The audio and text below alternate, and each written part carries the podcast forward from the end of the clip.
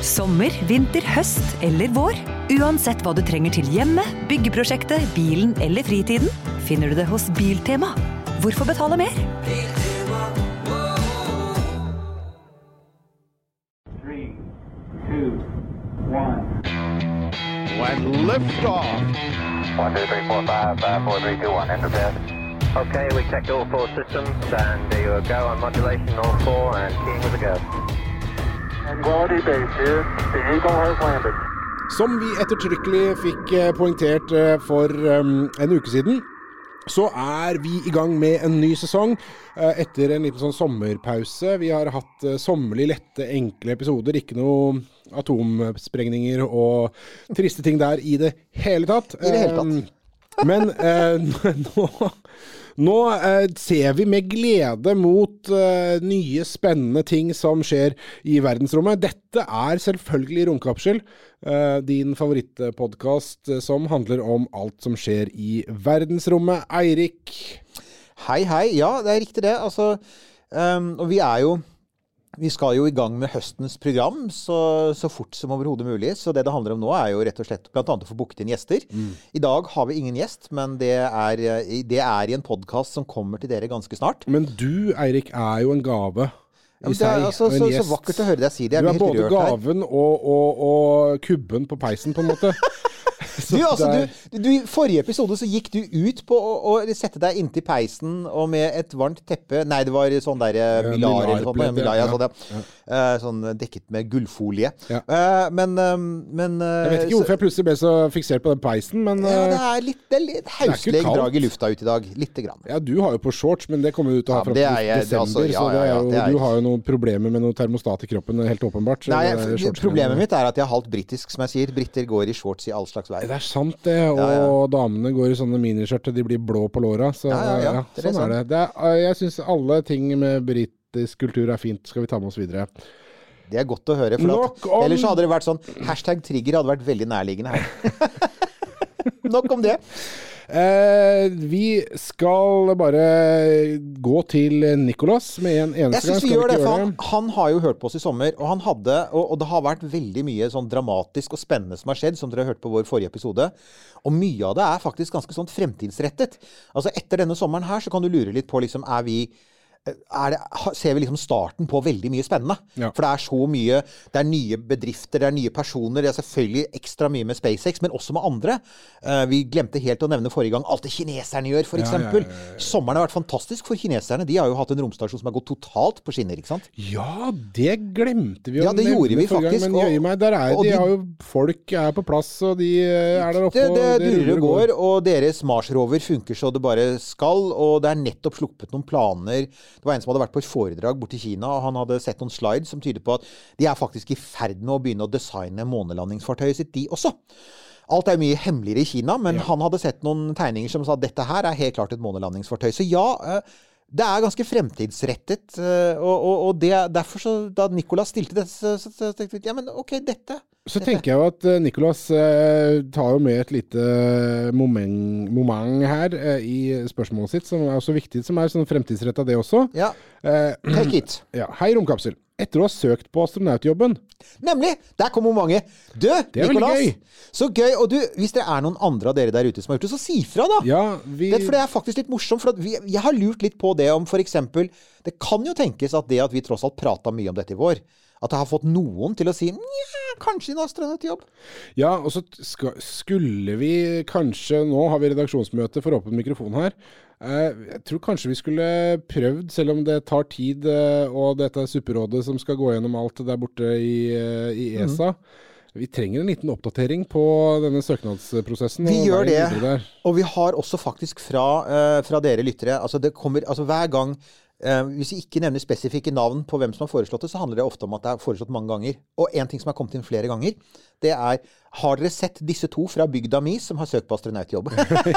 og det er faktisk morsomt. Ja, det er veldig så, gøy. Så det, så det kan være Så det jeg tenker der, er at dette skal vi helt klart ha et sånn blikk på og si Kanskje ikke sånn nå, for nå er det veldig tidlig, for det er ikke sikkert de kommet gjennom nåløyet. Men i det øyeblikk folk begynner å komme gjennom nåleøynene, eller Ja. nåløyet Ja. til ESA, så er dette kjempeinteressant. Da skal vi selvfølgelig prate med folk. Vi kjenner folk som kan prate med folk. Ja, vi, vi, vi, folk, det we know people. Ja, Men uh, da fortsetter vi, da. Jeg bare tar en slag, Ja. kjapp recap her på det Nicolas skriver. Hei, Romkapsel. Etter å ha søkt på astronautjobben har jeg fått dilla på romfart. Ja, det håper jeg da inderlig. Det ville vært veldig trist hvis du ikke hadde det og søkte på den jobben. ja, det er sånn. Jeg tror jeg søker på astronaut, ja. Det er eh, Skal vi se Ja, det sto er- mellom det og dyrlege. Ja, nemlig. Ja, sånn.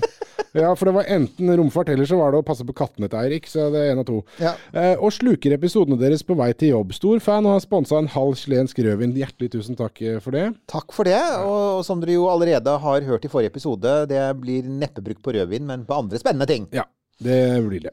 Hvordan ser dere for dere at romfarten ser ut om 50 år dersom dere bruker optimistiske briller? Og det som slår meg nå, Eirik, for du har jo også et, et parallelt liv som en slags sånn teknologiens Nostradamus. Jeg har det. Det er, det, Eh, jeg, så- det er faktisk det jeg lever av. Så dette her er jo Midt i min Nå kan jeg egentlig bare gå og ta meg ei bolle. Du kan det. Så kan Eller du kan bli sittende her og si hum ha, eller kanskje til og med bidra. vi, vi får se hvordan dette bærer, Nicolas. Eh, nå Ja, altså det, jeg eh, først, det jeg først og fremst tenker, da eh, Jeg lot deg ikke snakke ferdig engang. Så Ja, jo, jeg-. Det er jo Det gjør du sjelden. Så Vel, greit, velkommen men- til Nils Johans verden, Ja. så bare si. Nei, men altså det, Ja, det er grusomt. Det er hardt.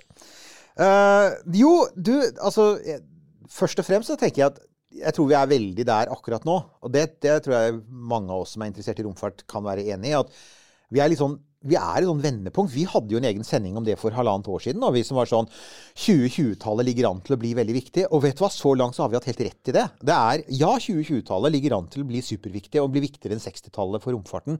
For det skjer utrolig mye nærmest fra dag til dag. Denne sommeren har det skjedd mye. Det ligger an til å skje veldig mye denne høsten. Og det som kan komme til å skje de nærmeste månedene, kan virkelig forme romfartens fremtid i resten av århundret. Og det viktigste her er dette med det gjenbrukbare romskipet til Elon Musk. Ja. Starship. Altså, det kan ikke sies ofte nok hvor viktig det er. For det har aldri skjedd før. Ingen har fått det til. Det er, som Musk sier selv, it's insanely hard. It's crazy hard. Det er ikke sikkert det er mulig å gjøre engang.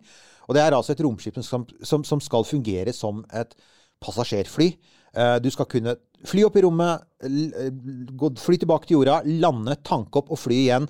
Og du, i mellomtiden skal du ikke ta det fra hverandre og pusse på hver eneste lille bit, som du måtte med romferja. Nei, du, det skal være en altså, ja, Du skal ha noen sensorer om bord i den der eh, romskipet som skal sjekke om alt er i orden. Og så skal du antagelig ha en visuell inspeksjon, sånn som piloter som går rundt flyet og liksom sier hjula sitter fast. ikke sant? Og, ja, det er ikke noen åpne dører. Sparker på og ser om fustasjeoppkoblingsforhenget Ikke sant? virker. Altså, nesten på det nivået. Det er det han prøver å få til. Det er igjen sinnssykt vanskelig, fordi at denne romfartsbransjen har stort sett lagd ting for engangsbruk. De. Nesten alt som har vært lagt av romteknologi siden 19...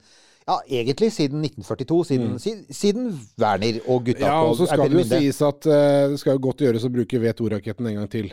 Den var jo ment for å Ja, gå i stykker over et mål. gang, så- men, men altså, den satte Men poenget var at alle moderne raketter nedstammer egentlig fra V2. Ja. Det er den. Men- og, og så det prinsippet da, om at det er engangsbruk, det har vært rådende. Og så plutselig skal du over på gjenbruk som med et passasjerfly.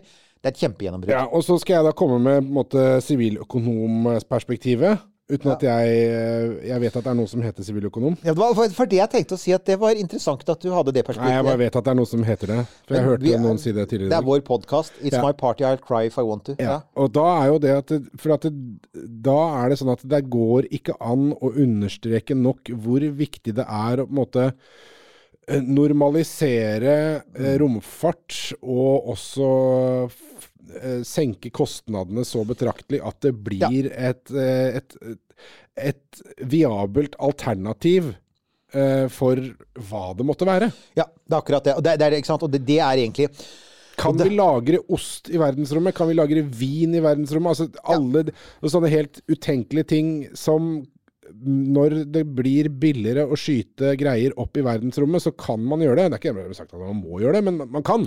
Det kommer til å skje, er jo noe, altså, og, det, og det er jo helt åpenbart det som er planen til, til Musk. Og han har sagt det rett ut. Han sier du skal senke prisene så mye at, at masse ting som, som i dag er utenkelige, blir, blir mulig. F.eks. at tusenvis av mennesker kommer til å bo og leve i rommet. Ja. Det, det går ikke i dag. Per i dag så er det akkurat nå så er det noe sånt som ti mennesker i rommet. ikke sant? Og det er mange. Stort sett så har det aldri vært mer enn tre-fire.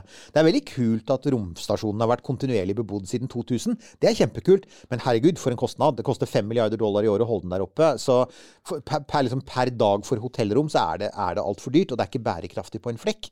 Jf. at Nauka nesten tok den ned, ikke sant. Ja, ikke altså, du er nødt til å man er nødt til å ha noe som gjør det eh, billig og enkelt og trygt å komme opp kjapt. Trypt, trygt og billig, tror jeg det var noen som en gang sa. Kjapt trykte billig, kiwi-kiwi. Nemlig, ikke sant? Det var et slagord. Aldri glemt det. Og det enkleste er ofte det beste, en annen ting. Så fikk jeg sånn. Det er, vi er der, og det er litt der eh, Elon Musk er. Han sier det at han ønsker å ta han ønsker å ta prinsipp som har vært i bruk i alle andre bransjer i årevis. Som er akkurat det. Du må masseprodusere, det er en annen nøkkel. Han sier du kan ikke ha ett Han snakker ikke om å bygge ett Starship, han skal bygge tusenvis. Han skal ha en rakettfabrikk, og han har det jo allerede. For at de det har vi jo sett at de har gjort der nede. Og det, det har vi aldri sett, på, sett maken til. Altså Alt tidligere har vært bygd for hånd. Det har vært bygd én og én av gangen. De har kostet 10 milliarder dollar per stykke. Alt har måttet vedlikeholdes veldig grundig, og det har alltid vært sånn 5000 mann som har, har stått rundt og passet på. Her skal liksom ting bare være som igjen, som et passasjerfly. Så ja, hvis dette, hvis dette lykkes Og det er ikke sikkert at det skjer, og Elon Musk er den første til å si det for øvrig. Han sier at det er jo ikke sikkert at vi får det til, men han håper at vi får det til. Han sier at akkurat her, hvis du hører han nå, så høres det ut som han egentlig sier sånn 50-50. Altså, Starship kommer til å fly, men, men billig, trygt, raskt, det er 50-50. Ja. Eh, og hvis, hvis han lykkes med det, da er verdensrommet er jo åpent. Det er jo det som egentlig er poenget, Nicolas. Det er de, så de optimistiske brillene Man lykkes med Starship-prosjektet. Kineserne kopierer det. De er allerede i gang. Da får du plutselig flere aktører. Du får konkurranse. Kanskje det er nye aktører i USA. Kanskje til og med i Europa, selv om jeg er litt tvilende der. Eh, som da sier ja, men vet du hva, da gjør vi det. Og så får du plutselig så har du uh, billig aksess til rommet. Og, og da er f.eks. dette med å dra til månen som i dag er fremdeles et sånn litt sånn halvveis umulig mål. Det er jo det. Altså, vi skal dit en eller annen gang innen 2030, kanskje. Ja, altså, og så har vi jo tidligere konkludert med at månen i seg sjøl er litt uinteressant. det er akkurat Men, det. men igjen, da, så da, da blir det så på en måte i anførselstegn lett å gjøre det at uh, why not?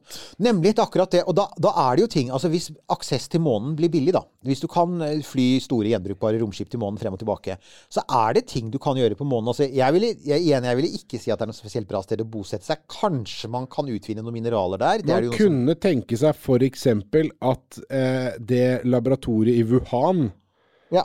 kanskje kunne vært på månen da istedenfor. Ja, det er, og en av de tingene med å flytte farlig industriell og vitenskapelig eh, virksomhet ut fra jorda og opp i rommet, ja.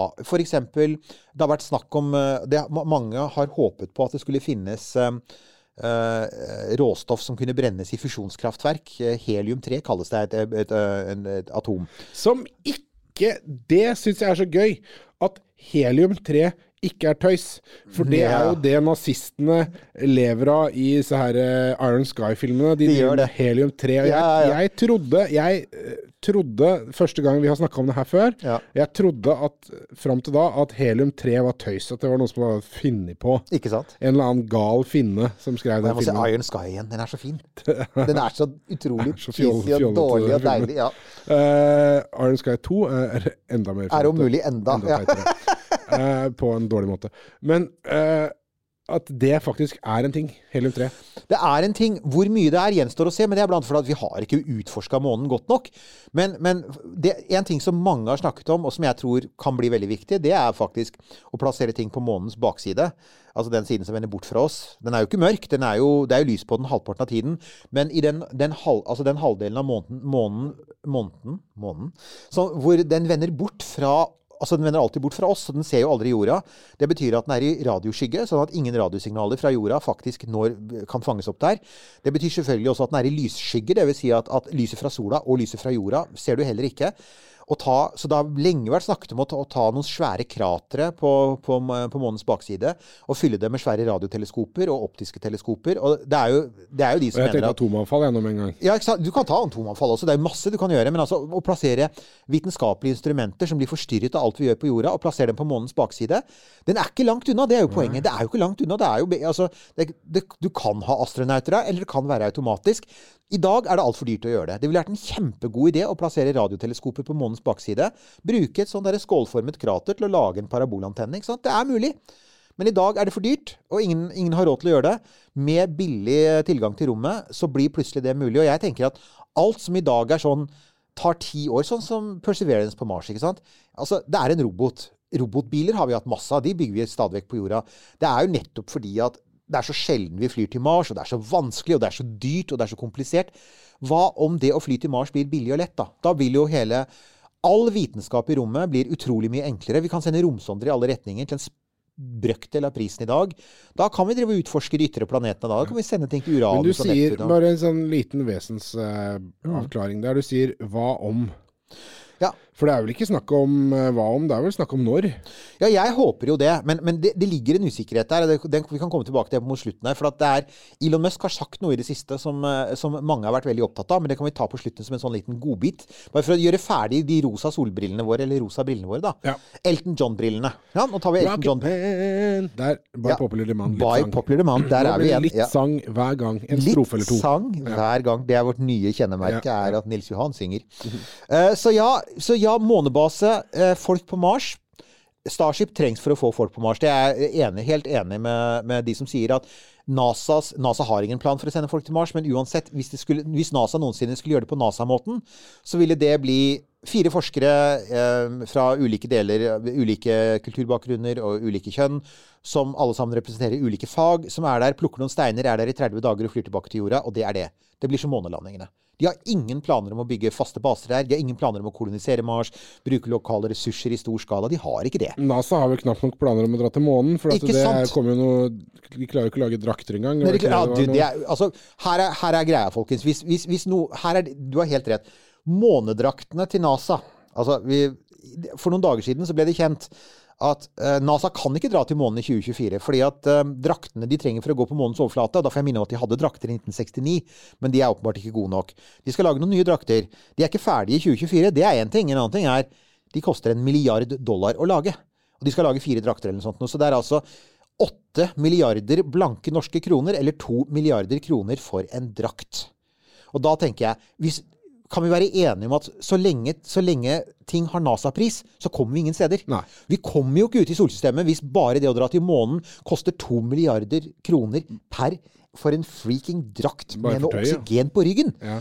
Og da er det Elon Musk dukker opp i kommentarfeltet og sier han Men vi, altså hvis dere spør SpaceX, så kan jo vi gjøre det før 2024. altså, du kan jo, altså Å bygge en romdrakt De har bygd romdrakter. De har jo allerede bygd en romdrakt. sant? Så, så, det er noe med det med at dette handler ikke bare om liksom hvilken teknologi du har, men det handler om hvilke organisasjoner som gjør det, og hva de er vant til av offentlige midler, og hvordan de ledes. Og jeg tror vi kan si at hvis vi skal se med fremtiden med, med optimistiske briller For meg, jeg vil si det helt ærlig, jeg håper at NASA fortsetter å forske, for NASA er rå på forskning. Ja. Og så håper jeg at de kommer seg ut av hele bemannet romfartgamet. At de slutter med det, for det er de ikke gode på.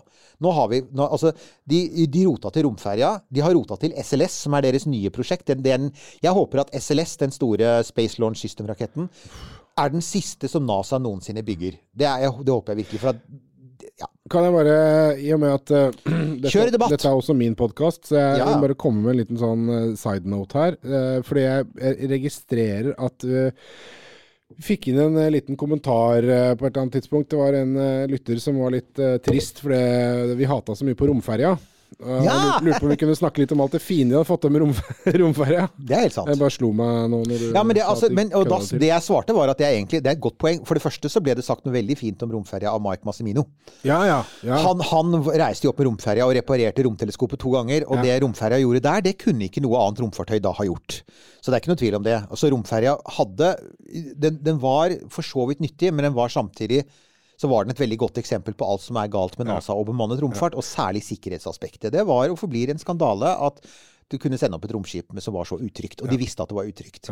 Man sier jo eh, ofte i andre aspekter i livet at man ikke skal sammenligne seg med andre, at man er god nok som man sjøl er. Men så er det jo et eller annet da, når man begynner å sammenligne en organisasjon som NASA med en litt mer strømlinjeforma organisasjon som f.eks. SpaceX, Ja. så blir forskjellene og fordelene ganske åpenbare. De gjør det, og det er derfor jeg sier igjen at de delene Altså, de, altså jeg tenker, og, og egentlig så er ikke jeg det er Amerikanske presidenter har jo faktisk tenkt dette nå siden 2005 ca., som er at eh, alle er enige om at NASA Ikke alle, da. Han siste raringen han var jo ikke enig med noe som helst. Nei, men, men hvis du tar normale presidenter, er, er veldig klare på at NASA gjør en vanvittig viktig innsats for forskningen. Og det gjelder også jordovervåkning og klima og alle sånne ting. Uh, Jamfør altså, som Sveinung Rotevatn, som jo var gjest her. Han var jo opptatt av det. ikke sant? Altså at alt, Alle de fantastiske dataene vi får fra NASA, det må fortsette der. Men det er den nye rollen vi får nå, med at vi får, faktisk får nye aktører inn som, som sier at vi- hvis vi skal ha mennesker opp i rommet, og ikke minst mange mennesker, da kan vi ikke lenger gjøre det på NASA-måten. Da må du bl.a. ha volum, da. Ja. Og en ting som, Her er et tall som kanskje ikke alle er klar over, men i løpet av et år så sender vi opp ca. Ja, et eller annet sted mellom 50 og 100 raketter. Og vi sender opp noe sånt noe som til sammen 300 tonn i rommet. Som er, hvis du tenker på det, det er ikke mange lastebiler, ikke sant? Det er virkelig ikke, altså hvor, Hva er det for noe? Det er fem-ti lastebiler langs motorveien, så er det 300 tonn. Det er ikke mye. Eh, det Musk mener trengs for å få ting til å virkelig skje der oppe, det er typ 300 000 tonn i året. Altså Ja, tusengangeren. Tusengangeren, rett og slett. Det er det han snakker om. Og det er klart, da, da, er vi et, da er vi et helt annet sted. Med 300 000 tonn opp i året, billig, så er det som du sier, da kommer alle de Jeg tror noen av de viktigste tingene som skjer framover, det kan nettopp bli de tingene vi ikke ser i dag. fordi at plutselig så sier folk å ja, men jeg har aldri tenkt at jeg kunne, som du sier, lage ost i verdensrommet. Nei, kan jeg gjøre det, da? Eller lage Altså, man har jo årevis ment at medisiner kunne produseres bedre i verdensrommet. Jo, det er en kul tanke, men det er jo en kul tanke på papiret, for det er altfor dyrt å gjøre. Ja. Men det er klart at hvis du kan sende det opp 100 tonn til 5 millioner dollar, ja, da har du muligheten da, ikke sant? Så, så det åpner for ting. Så, så Mars er selvfølgelig åpner seg. Og så er det, som noen sier øh, øh, og, altså Vi er såpass uforberedt på dette at det kan bli enkelt å komme opp i rommet at vi, vi liksom ikke helt Altså, vi, ikke, vi har ikke engang tenkt på alle mulighetene. Nei, for det som slår meg nå, da eh, eh, Nicolas, som stilte spørsmålet her, eh, hva, hva om når? Eh, så det er, Se for deg Nå vet jo ikke jeg hvor gammel Nicolas er, men eh, i, når du skal søke, så måtte du ha i hvert fall én master. Var det ikke sånn? Jo, eh, jeg, altså Nicolas har god utdannelse, har jeg skjønt. Ja, så, så han er jo på en måte over 20 år. Han, er, han må være godt over 20 år Ja. for å ha den utdannelsen han har, og også da for å søke. Uh, ja. Så ja, Så er bare tenker for at da eh, Hvis Jeg husker jo Nå er jeg over 20 år. Eh, men jeg husker jo en tid uten mobiltelefon. Så bare ta, bare tenk eh, tida før mobiltelefon, og før det var internett på mobiltelefonen. Eh, og da tieren var gul. ja, kronisen kosta ei krone. Det, jeg Ja, ja, aldri- ja. det har jeg aldri opplevd. Men, men det er et eller annet med det man, man hadde jo aldri sett for seg at man hadde en smarttelefon, eh, på en måte. Nei. Og de mulighetene og det, de Altså, i den grad vi alle har blitt så sinnssykt avhengig av den mobilen, da, det var jo ikke noe vi klarte å se for oss da eh, den, vi kunne sende den første tekstmeldinga, som var én linje som scrolla over skjermen med noen sånn dot matrix-greier.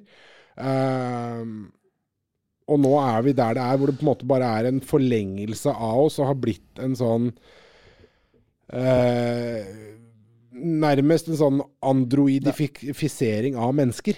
Det har jo det. Og det er jo for øvrig ja. Sånn ser jeg litt på det, at det er alle de tinga vi ikke ser for oss, alle de mulighetene vi ikke evner fordi vi bare rett og slett har dårlig fantasi. Og det kommer jo et sånt prosjekt til, til mange steder i Norge i nær fremtid, og det er jo faktisk eh, det første sånne store Musk-megaprosjektet i rommet, som er Starlink. Ja, Starlink kommer antagelig til, kan faktisk i løpet av ja, de sier neste år, kanskje året etter det igjen, sørge for at eh, den ytterste nøkne ø, noen av de minste stedene i Norge, får noe av det beste bredbåndet.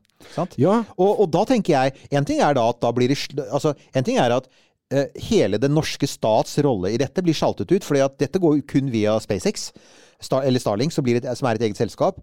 Eh, og du kjøper en mottaker, og så har du satellittmottak, og alt du trenger er strøm i veggen. Og ellers er det ingenting som har med det offentlige å gjøre. Og alle de milliardene vi da har, bruker på bredbånd til distriktene Har vi spytta rett inn i, i, i blockchain eh, og bitcoins, eller kryptovaluta, og så Ja. er vi i gang.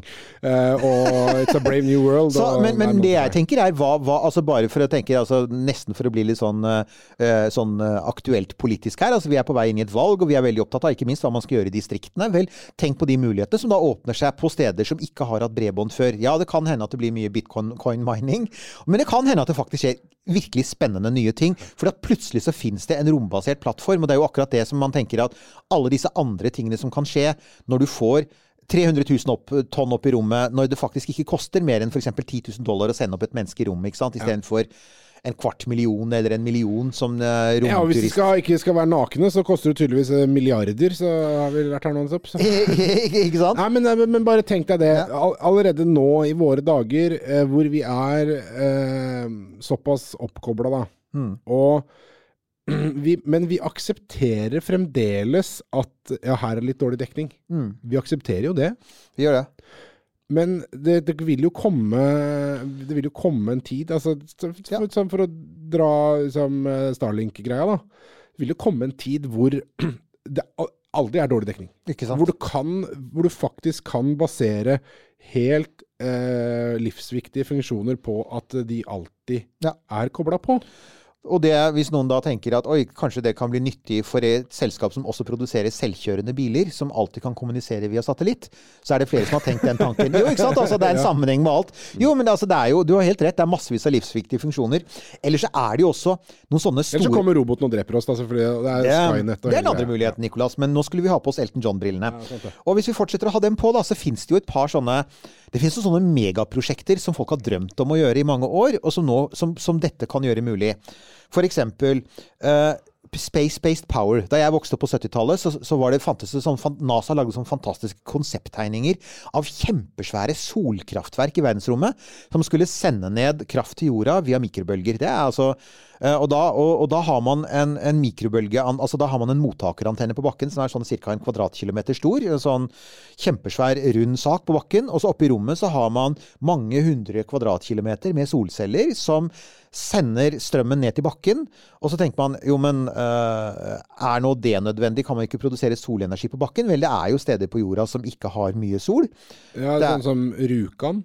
For eksempel, og, og store deler av den eh, nordlige halvkule. Det kan være steder på jorda som ligger for avsides til at det er vanskelig å trekke kabler dit, og da kan det være fint å beame strømmen rett ned. Så det amerikanske Kødder du? kan man det?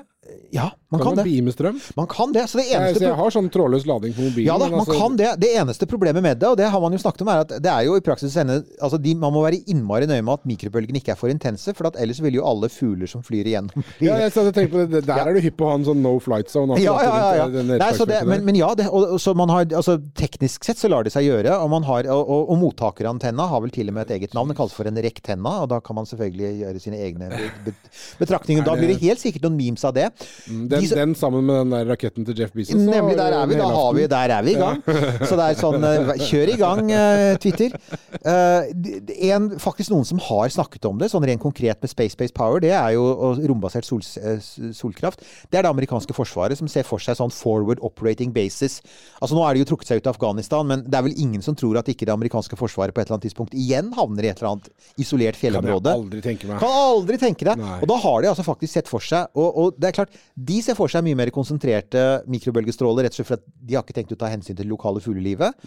Og da ser de for seg at du kan ha svære solcelleanlegg oppe i verdensrommet som sender ned strøm, og som da faktisk genererer mye strøm på bakken Ja. fra, fra verdensrommet. Og så er det da folk som, er, som har påpekt at den der mikrobølgestrålen, hvis du da retter den mot en landsby hvor du tror det gjemmer seg noen insurgents, så vil Ja. jo da folk i den landsbyen bokstavelig talt bli kokt. Og da er vi Mr. Bond. Ja, det var der jeg var nå. Nå har jeg en hvit katt på fanget, jeg vet ja, det. Så, No, men, men, dette er, dette er altså Så ja, men, men det er bare nok et, et eksempel på Plutselig så skjønner du at ok, det er ikke mulig nå, fordi at å sende opp, solceller, sende opp sånn 1000 tonn med solceller nå, bare for å produsere strøm til en militærbase, gir ingen mening. Det vil koste altfor mye. Men med Starship så er plutselig det Ja, men da er det en mulighet. 1202.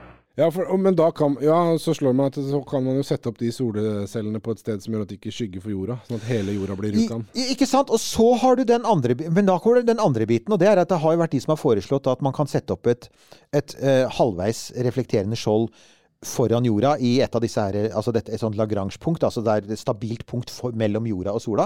Så kan man sette opp en skjerm som faktisk demper temperaturen på jorda, Ja. solinnstrålingen. Det er på et klimatiltak. Det har vært foreslått. Igjen, helt umulig å tenke seg nå.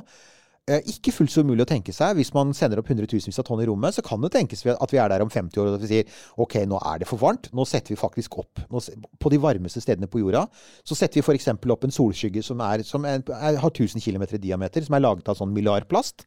Og så får vi litt skygge. Du får en kunstig solformørkelse som senker temperaturen. Det er mulig.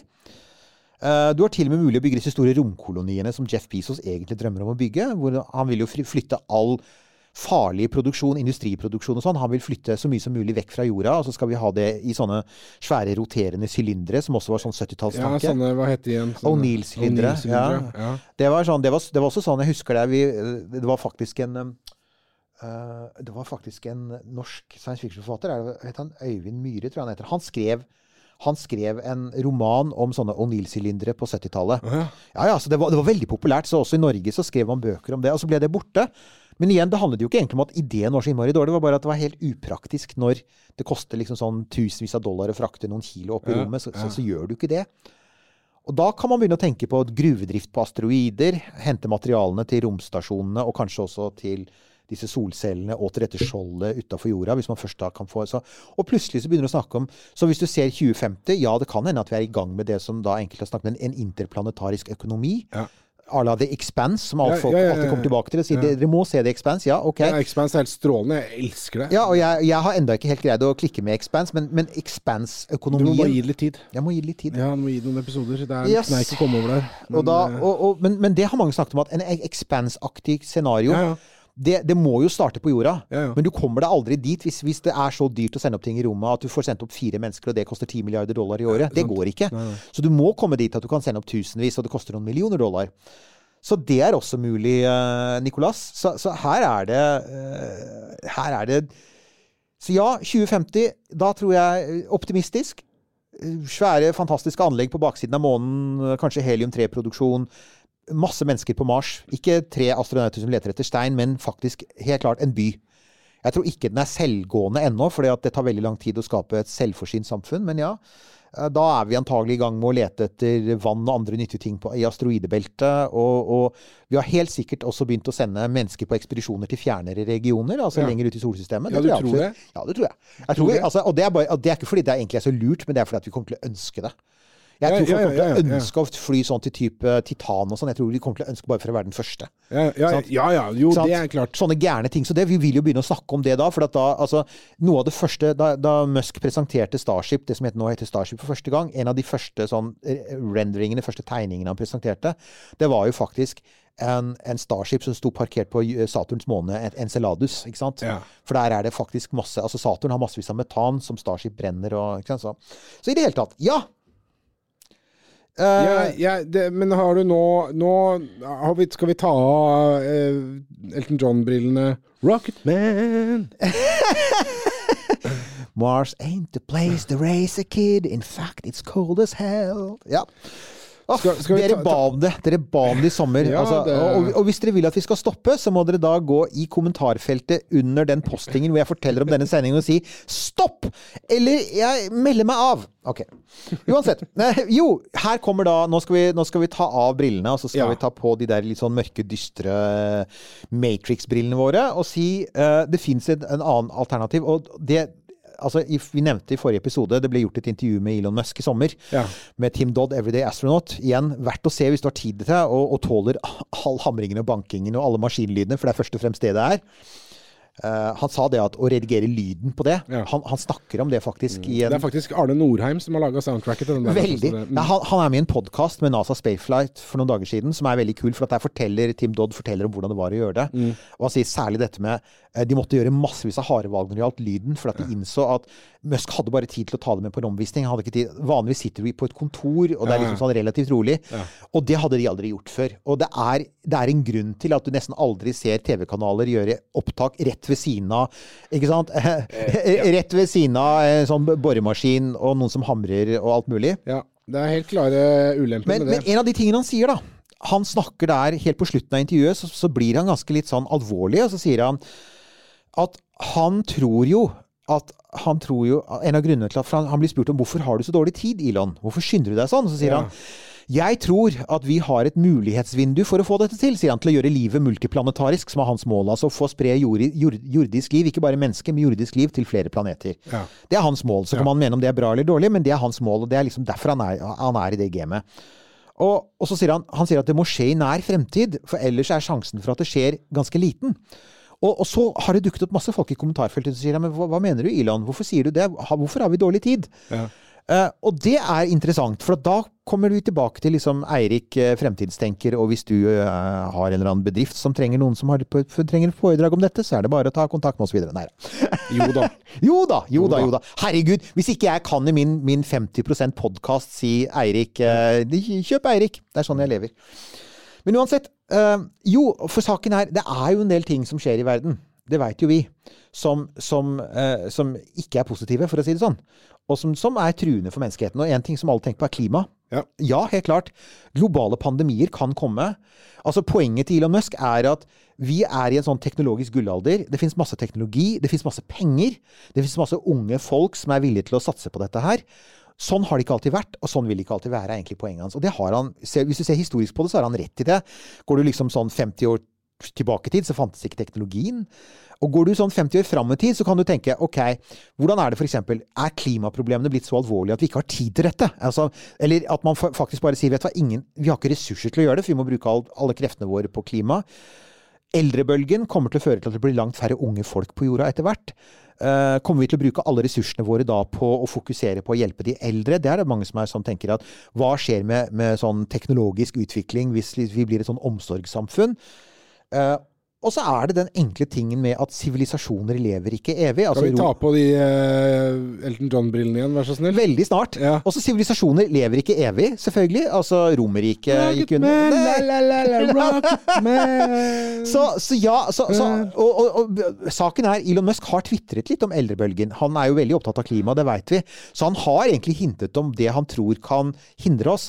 Han sier jo ikke at det er 100% sikkert, han bare sier at det, er, det kan være slik at de nærmeste tiårene er et unikt god sjanse til å få det til. Det er det han sier. Og så er det selvfølgelig da en sånn siste lille ting som folk sier ja, ja, men ok, så kanskje vår sivilisasjon går under, da, men det kan jo komme nye etter det. Jo, men altså vår sivilisasjon hadde én unik fordel, og den er vi bokstavelig talt i ferd med å brenne opp, og det er jo billig tilgang på energi. Ja. Nemlig fossil energi. Vi er jo i ferd med å brenne opp det som da ligger i disse her eh, dinosaurlagrene. Så, så ja, det er grunnen til at Elon Musk blir litt dyster, og det er også grunnen til at han sier rett ut. Han sier for folk har jo sagt Elon, er det ikke egentlig sånn at du er på en måte litt i Altså, du er i et kappløp med din egen dødelighet. Altså, for det er Let's face it, det er ingen andre som gjør dette nå. Uh, altså, Tesla uten Elon Musk kommer til å fortsette å bygge elbiler. Det er det ikke noe tvil om. SpaceX uten Elon Musk, da kan du lure på om de kommer til å gjøre noe så crazy som Starship. Jeg er ikke sikker på om de ville gjort det. Og eh, alle er ganske enige om at akkurat nå så er det personen Elon Musk som mer enn noe annet holder det prosjektet gående. Fordi det er så sinnssykt risikabelt. Det er så potensielt lite lønnsomt. Et, et normalt privat firma med normale aksjeeiere og et normalt styre, de ville sagt hadde aldri aldri i verden. Skal vi bruke alle selskapets midler på å bygge en rakett som kanskje får bygd en by på Mars i 2050? ikke sant? Ja. Det er kun at Elon Musk har kontroll på selskapet, og hans karisma og hans lederevner, de er jo uten ubestridte. Det er veldig tydelig, altså.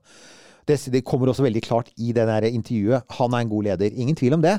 Men, men altså, hvis da han jobber seg i hjel, han er glad i raske biler, eller han flyr privatfly Hvis noe skulle skje, da, så kan det faktisk tenkes at akkurat denne fasen av romfarten stopper veldig brått.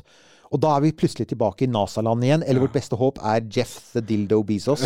Og jeg er ikke sikker på om vi vil være der. Eller det kan hende at kineserne sier at da plukker vi opp den mantelen, og så prøver vi å gjøre det, og så blir amerikanerne veldig redde, og så gjør de det igjen. Men, men akkurat nå, de nærmeste, og, og, folk sier det, de neste fem-ti åra blir veldig avgjørende. For at hvis Det er klart, hvis Starship letter, og det er en suksess, og prinsippet er bevist, da blir det en standardteknologi. Da blir det, det, det blir som T-Forden. Å ja, det går an å bygge en, bygge en billig privatbil som alle har råd til å kjøpe. Ja, da gjør alle det etter hvert. Ja. Men hvis ikke, hvis Elon skulle falle fra før det skjer, eller hvis Starship-prosjektet bare kollapser fordi det er umulig, da er vi Da er vi fucked. Ja, vi er ikke fucked, men da har vi kanskje en litt sånn boring eh, NASA-Mars-ferd i 2045 med fire stykker som plukker stein, og som reiser, planter et flagg og sier noen bevingede ord, og reiser tilbake til jorda, og så er vi aldri der igjen. Rocket Man, Rocket Man. På, på med stjernebrillene Kjære lyttere, you have, you have created a monster. Jeg bare sier det. Jeg får så It's mye alive! Jeg, jeg, jeg får så mye kritikk hjemme. Da, dan, da skal du selvfølgelig, når du har en podkast, skal du selvfølgelig gjøre det her. Ja, et eller annet sted må jeg få sted. Jeg må få ut Valmannen i meg. Ja, ja, ja, ja, ja, ja. Jeg får ikke Hjemme så øh, MGP neste, sier jeg bare. papp, øh, Samboeren sier eh, kaster opp litt i munnen, øh, gulper litt, og, og sønnen min sier eh, 'pappa, slutt', øh, og heldigvis så kan ikke dattera mi prate Ja, ennå. dette så det- lyder kjent for meg også. ja, Ja. så jeg, dansing så er- og synging og være sånn generelt valmannssalong hjemme, det nå er fikk, ikke farbart dere fikk dere litt farbart. mer sånn informasjon om hvorfor vi driver podkasten dere egentlig kanskje hadde bedt om. Men Niklas, jeg håper det var sånn rimelig sånn der vi Jeg tror vi egentlig har sagt ganske mye om hvor vi håper liksom, romfremtiden havner. Eh, og, og som sagt, det er, det, er, det, er ikke noe av det er sånn superdramatisk. Det er ikke sånn 'Å, vi drar til stjernen'. Nei, nei. Dette er sånn, det, dette er sånn solid innafor det mange mange seriøse folk tror er fullt mulig innen 2050, dersom infrastrukturen er der, liksom. Og det det koker ned til Jeg pleier å si det at noe av det minst sexy som fins, er infrastruktur og logistikk. Men som alle som har lest litt krigshistorie, og jeg er hvit mann over 50, så jeg har lest masse krigshistorie, kan si at logistikk er utrolig viktig. Og, og bare spør en hvilken som helst tysk general på østfronten i 1942 om ikke Ja, bare spør. Bare gjør det. bare spør det. Bare spør dem. Bare spør Werner. Hva, hvor viktig logistikk ja, men altså, og, og der det er, akkurat nå så er det det. Altså, vi får jo ikke ting opp i rommet til billig nok pris i stort nok volum, så vi kommer ingen vei. Men i det øyeblikk logistikken er fiksa, så kommer jo veldig mye annet av seg selv. Og det er det. Så ja, fiks logistikken. Så uh, erobrer du nytt land i øst. Du sa billig. Unnskyld, i nord. I, Du sa, nei, billig, du sa billig pris. Ikke gjør det. Nei, ikke Lav billig. pris. Lav pris. Billig vare, lav pris. Se her. Nå er jeg blitt, uh, jeg blitt uh, busta på Eh, er, du, du nevnte tyske generaler og Werner, og da ble jeg sånn grammar-nazi. Ja, men det er helt, helt, men nå er, er nå er jeg ferdig med det. Uh, Nicolas, uh, vi krysser fingrene for at du får jobben. Uh, og så Ja! Det hadde vært veldig gøy. Hvis Eh, du får den, så- du kan, så, så, ta kontakt igjen, da. er du en selvskreven gjest. Ja, det, da er det garantert. Eller noen av dere andre. Og bare så igjen, alle dere andre som er der ute og hører på oss, og som også er har søkt, si fra da om det skjer noe kult. Ja. Om dere får noe sånt tilbake. You are going to Darmstadt to visit uh, our uh, offices. For at jeg tror det er Darmstadt. Det er, det er et sånt sted hvor folk driver og testes. Ok, I hodet og det andre stedet, bokstavelig talt. Det er jo det de gjør. Ja, Ja. med noe sånn ja. Nei, men eh, ikke mer om det. Probing! pro, ja. It's probing time. Det Ja. Mm. var også en referanse. Og med de eh, probing time, det skal dere slippe å få høre på. Nå skal vi gå og probe litt, og så Uh, får vi bare si at sjekk ut uh, Facebooken. Uh, join deg inn der, og så hender det innimellom at det kommer ut noe på Instagram og romkapsel.no. Ja. Bare sånn for å gå gjennom hele smæla som vanlig. Og så er vi Så selvfølgelig er vi alltid glad for noe spons. Ja da, så, så, så gjerne det. Veldig hyggelig, eh, skal vi si. Alle som uh, vipser oss, gjerne. Romkapsel, Newt og Halvorsen uh, heter vi på Vips. Uh, tusen takk for alle bidrag, og takk til deg, Nicolas, for den halve chilenske rødvinen, som er symbolsk. Altså, det er jo ikke en rødvin, for det har vi jo sagt at vi skal ikke bruke de penga på rødvin. Å nei. Rocket Fuel. Ja, det er det er det, det er. Det. Og det er en sånn amerikansk eh, vodka som lages eh, nå i en liten bu borti Boca Chica. Eh, den heter Rocket Fuel. Er det, er det sant? Nei, nå fant jeg på. Nei, men for det er vi helt på tampen her, kan vi bare nevne at da de aller første rakettene, de som ble bygd av ordentlige rakettene, de som ble bygd av Werner og teamet hans på Penemynde, Ja. det ble jo drevet av en blanding av uh, flytende oksygen, Ja. og så var brennstoffet var jo faktisk Det var jo etanol. Det var etanol, ja. Det var altså rett og slett uh, veldig ren alkohol, som de etter hvert begynte å vanne ut litt grann for å få litt bedre effekt. Men det var jo ikke akkurat noen hemmelighet at det ble drukket av lasset. Så ja, Rocket Fuel, bokstavelig talt, det kan drikkes når det er alkohol, men ikke drikk det ellers. Det er dagens public announcement. Ikke drikk rakettbrennstoff. Eh, da sier vi takk for nå, og så høres vi igjen neste vi. gang du trykker på play i eh, Spotify, eller hvor nå det enn måtte være du hører på podkast. Veldig hyggelig at du gjør det, i hvert fall. Ha det, da. Velkommen til Kjemperådet! Ohoi! Vi har fått inn et kjempekleint problem fra Trine Lure 22. Ok. Jeg leser. De to andre i kollektivet mitt har begynt å date, og jeg syns det er veldig kleint når vi skal se på TV sammen, og de bare skal kline. Ok, ja, Hvordan skal hun løse dette? Siden Trine Lure er under 30, får hun jo ubegrenset data fra Telenor fra 399 kroner. Da Da kan hun sette seg på sitt eget rom, streame så mye hun vil på mobilen. Ja, hun kan jo se på nye mobilabonnement på telenor.no. Ja, det er lurt.